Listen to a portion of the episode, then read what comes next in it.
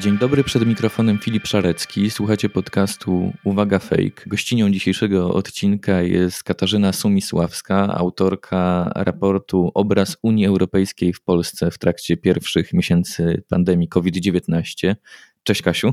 Cześć Filipie, dzień dobry wszystkim. Premiera raportu już niedługo, bo 24 czerwca podczas konferencji online Pandemia, Dezinformacja i Europa, której organizatorami jest m.in. Fundacja Centrum imienia profesora Bronisława Geremka, która również wydaje ten podcast, ale także Polityka Insight i przedstawicielstwo Komisji Europejskiej w Warszawie e, z partnerstwem Orange, więc zapraszamy, to tak na wstępie i chwilę na autoreklamy, zapraszamy na konferencję online, bo będzie tam dużo ciekawych rzeczy będzie prezentacja tego raportu i mnóstwo e, ciekawych informacji dla osób zainteresowanych tematem dezinformacji i fake newsów. A o tym jest przecież podcast Uwaga Fake. Kasiu, chciałbym się zapytać, ponieważ mam ten raport przed oczami i to potężna dawka informacji, ale dla słuchaczy, którzy jeszcze, jeszcze nie, nie mają go w rękach, powiedz mi, na czym skupiłaś się pisząc ten raport, co było poddane, poddane analizie? E, cześć Filipie jeszcze raz, dziękuję bardzo za zaproszenie. Poddaliśmy razem z zespołem analizie Unii, wizerunku Unii Europejskiej podczas pandemii koronawirusa. Pomysł wziął się stąd, że 12 marca nasze, nasze ekrany naszych komputerów zostały e, kompletnie zalane wzmiankami i takim jednym konkretnym pytaniem, gdzie jest Unia Europejska. I to był taki moment, e, taka syrena alarmowa dla nas, e, że coś się dzieje niedobrego i chcielibyśmy się temu bardziej przyjrzeć. Postanowiliśmy przeanalizować, jak Unia Europejska była postrzegana w polskim internecie. E, od 9 stycznia to jest ten moment, w którym Europejskie Centrum do Spraw Zapobiegania i Kontroli Chorób wysłało informację o tym, że w Chinach ma miejsce epidemia do państw członkowskich do okresu 10 maja, czyli to był ten pierwszy moment, data wyborów prezydenckich w Polsce. Przeanalizowaliśmy głównie wzmianki w internecie, że skupiliśmy się tutaj na mediach społecznościowych, w szczególności na serwisie Twitter, bo takie e, nasze narzędzia, nasz skaner e, najlepiej pozwalał nam tam pracować ale przejrzeliśmy również portale internetowe, mm, przejrzeliśmy wzmianki, jakie miały w internecie media, media publiczne, e, różnego rodzaju blogi. Powiedz w takim razie, jak to wyglądało, bo patrząc na wykresy i na wyniki tego raportu, to widać, że ta dezinformacja to była cały czas obecna. W, w kontekście Unii Europejskiej było mnóstwo fejków podczas, podczas e, tych, tych pierwszych miesięcy pandemii, ale ale były takie momenty kluczowe, podczas których ewidentnie coś się działo i podczas których, e, podczas ten powiedzmy normalną ilość fejków i dezinformacji, nagle pojawiały się tysiące tweetów na, na jakiś dany temat. Czy możesz powiedzieć coś więcej o tych pikach, o czym one były i skąd się wzięły? E, tak, to prawda. No pierwsze miesiące pandemii, e, w związku z tym, że temat był jeszcze od Europy dosyć odległy, były raczej ciche wzmianki, więc tak naprawdę e, styczeń i luty to tam właściwie praktycznie nic się nie pojawiało, ale tak jak mówisz, 12 marca to był taki pierwszy moment, w którym był, jak to nazwałeś, pierwszy pik. Dla nas takich pików w sumie było 45 i za pik uważamy dzień, w którym było powyżej 4,5 tysiąca wzmianek na temat Unii Europejskiej w kontekście koronawirusa na dzień. Pierwszy pik to jest e, właśnie ten już słynny 12 marca. Natomiast było ich, e, było ich więcej. Uporządkowaliśmy je w sumie w 10 głównych okresów i bardzo skrupulatnie przejrzeliśmy te wszystkie wypowiedzi. Zrobiliśmy to w ten sposób, że każdego dnia takiego, takiego piku przeczytaliśmy pierwszych 100 wzmianek, czyli w sumie 4,5 tysiąca wzmianek e, za nami i dzięki temu mogliśmy wyznaczyć trendy. Do trendów pewnie za chwilę prze, przejdziemy, natomiast pytałeś mnie o to, jak to się działo, że były dni, w których tych wzmianek było więcej. No rzeczywiście to było 10 takich właśnie konkretnych dni, mm, Pierwszy z nich to 12 marca, ale jeszcze bardziej 13 marca, i to był ten moment, w którym internauci zaczęli pytać, gdzie jest Unia Europejska. E, to była bardzo ciekawa sytuacja, ponieważ 11 marca wzmianek było zaledwie 9 na ten temat, 12 lekko ponad 700, a 13 prawie 3,5 tysiąca.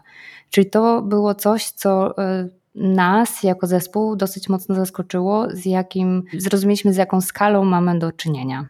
To był pierwszy taki, taki pik i to też jest jeden z pierwszych tematów, który wyznaczyliśmy. Pozostałe przeanalizowaliśmy je w kontekście wydarzeń, które miały miejsce w Europie i w Polsce i rzeczywiście zauważyliśmy pewnego rodzaju korelację, że jeżeli coś się dzieje w Polsce, to często jest tak, że ten temat Unii wypływał E, a wypływał w taki sposób, że Unia była portretowana szczególnie w sposób negatywny. Czyli na przykład była kwestia tego, że pod koniec marca e, Rosjanie wypuścili taką informację, że e, Polacy nie wpuścili na swoją, do swojej przestrzeni lotniczej samolotu, który miał nieść pomoc Włochom.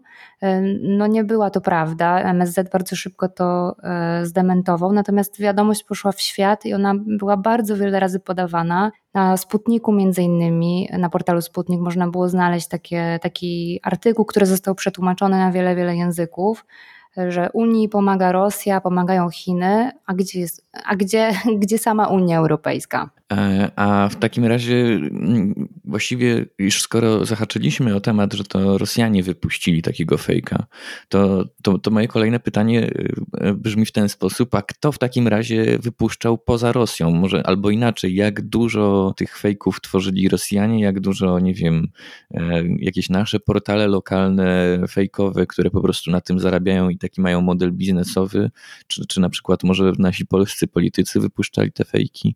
Jak to jest z tymi źródłami tych, tych dezinformujących treści?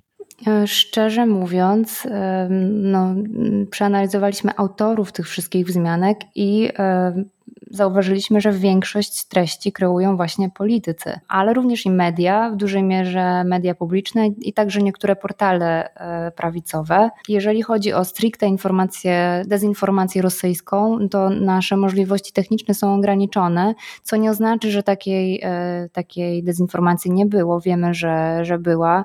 Między innymi w Polsce były w tym okresie dwa ataki hakerskie, które są przypisywane Federacji Rosyjskiej, przeprowadzone. Natomiast to, co, to te, te informacje, które my przeanalizowaliśmy, to są stricte właśnie wypowiedzi Polek i Polaków, jakby dając Ci przykład, w tym pierwszym temacie, czyli gdzie jest Unia Europejska, tam zauważyliśmy, że owszem, jest dużo e, takich twórców, głównych twórców treści, e, liderów opinii, ale oni mają wokół siebie wianuszek postaci, które te, te, te treści retweetują i podają dalej. Mm, I postanowiliśmy się przyjrzeć tym postaciom.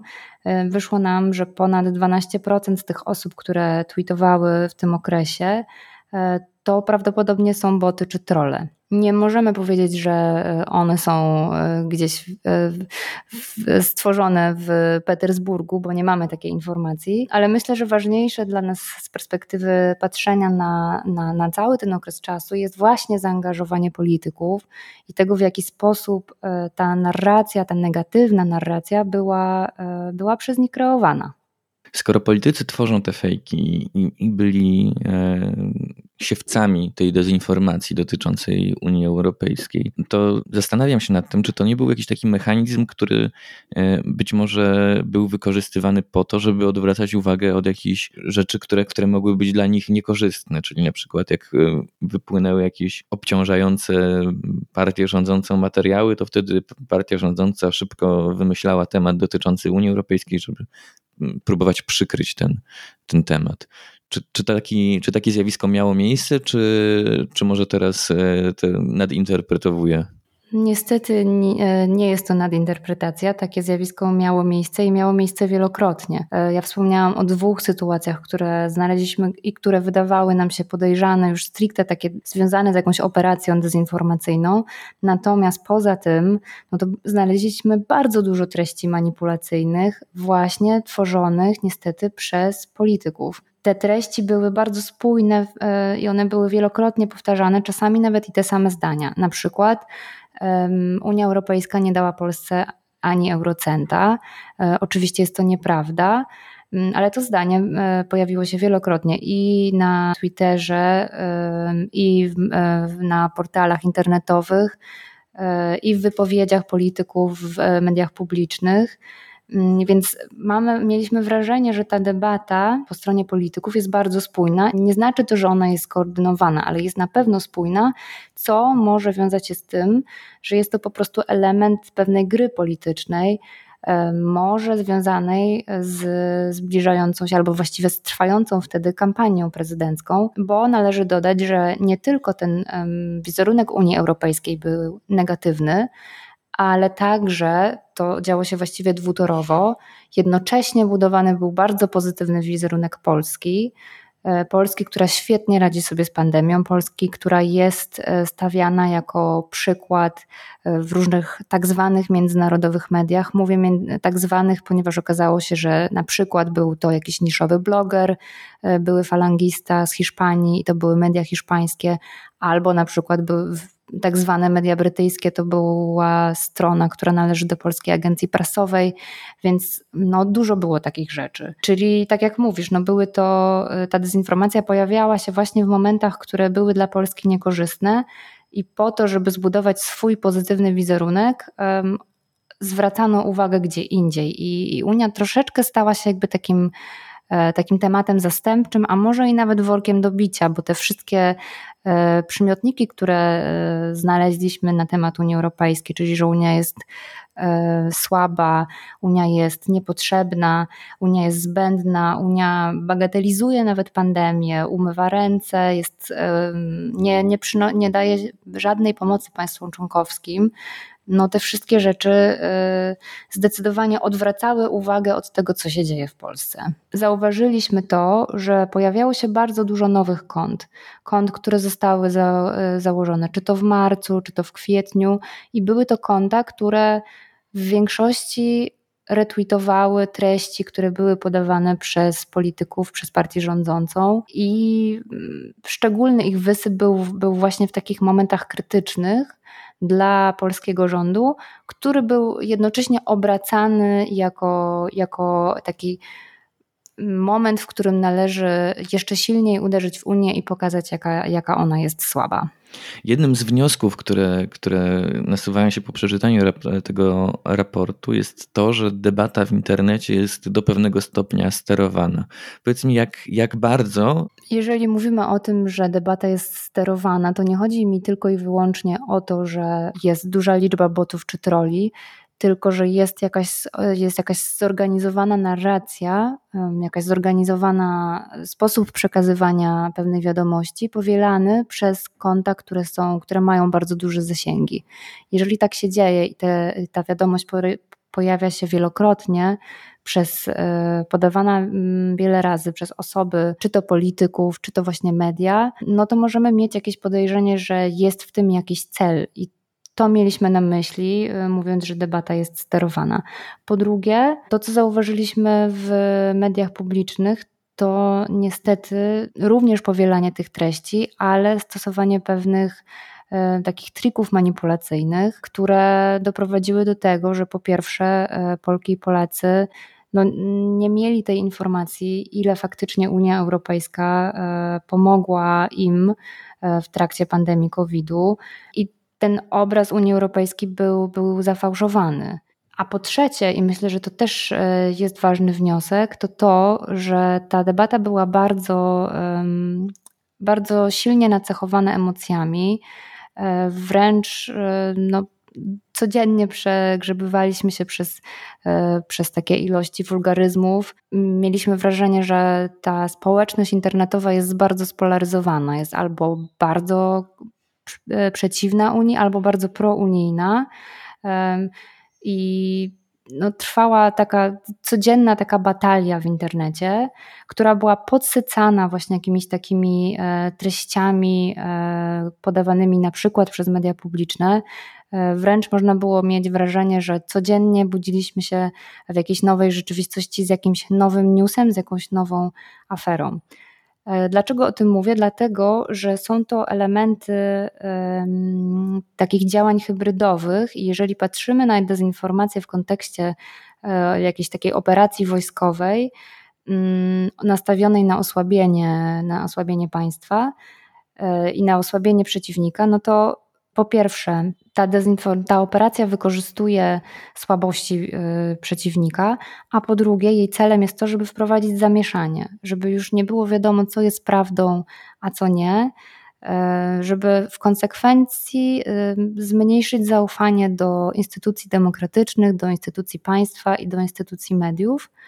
No i to mam wrażenie, że niestety miało miejsce. Jesteśmy przesyceni już informacjami dotyczącymi koronawirusa, e, ponieważ te, te afery po kolei wychodziły na jaw i no było widać, że politycy czasami mijają się z prawdą, podobnie jak i media publiczne, to zaufanie Polek i Polaków do nich e, słabnie. A jest to bardzo niebezpieczne e, w kontekście tego, że nasz kraj jako taki może właśnie stać się w przyszłości celem E, bardziej zorganizowanej operacji dezinformacyjnej e, z zewnątrz. I w tym kontekście e, jest to ważne, żeby, żeby mieć świadomość tego, że właśnie internet może być po części, po części sterowany i jest jakimś takim polem, polem wręcz i bitewnym, gdzie mają miejsce różnego rodzaju rozgrywki i tym akcentem kończymy dzisiejszą rozmowę. Katarzyna Sumisławska, autorka e, raportu Obraz Unii Europejskiej w Polsce w trakcie pierwszych miesięcy pandemii COVID-19. Ja jeszcze raz zachęcam do dołączenia do konferencji online, na której będziemy prezentować raport Pandemia, Dezinformacja i Europa 24 czerwca online.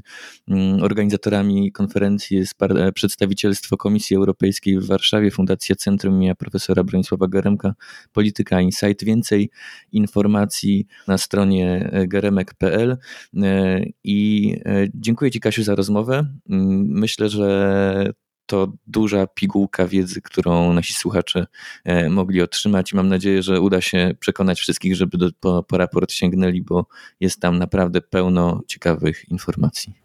Dziękuję jeszcze raz Filipie za zaproszenie i pozdrawiam serdecznie.